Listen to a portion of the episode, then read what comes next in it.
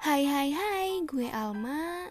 Gue berasal dari Depok. Gue mahasiswa tingkat akhir di Polimedia. Gue di sini mau sharing-sharing pengalaman, apa pun itu pengalamannya, mau yang menyedihkan, mau yang menyeramkan, mau yang menyenangkan juga boleh banget. Jadi uh, gue mau bebas aja sih di sini. Yang penting gue lega. Apa pun itu yang diceritain, pokoknya seru aja. Ya gak sih? Oke? Okay? Here we go.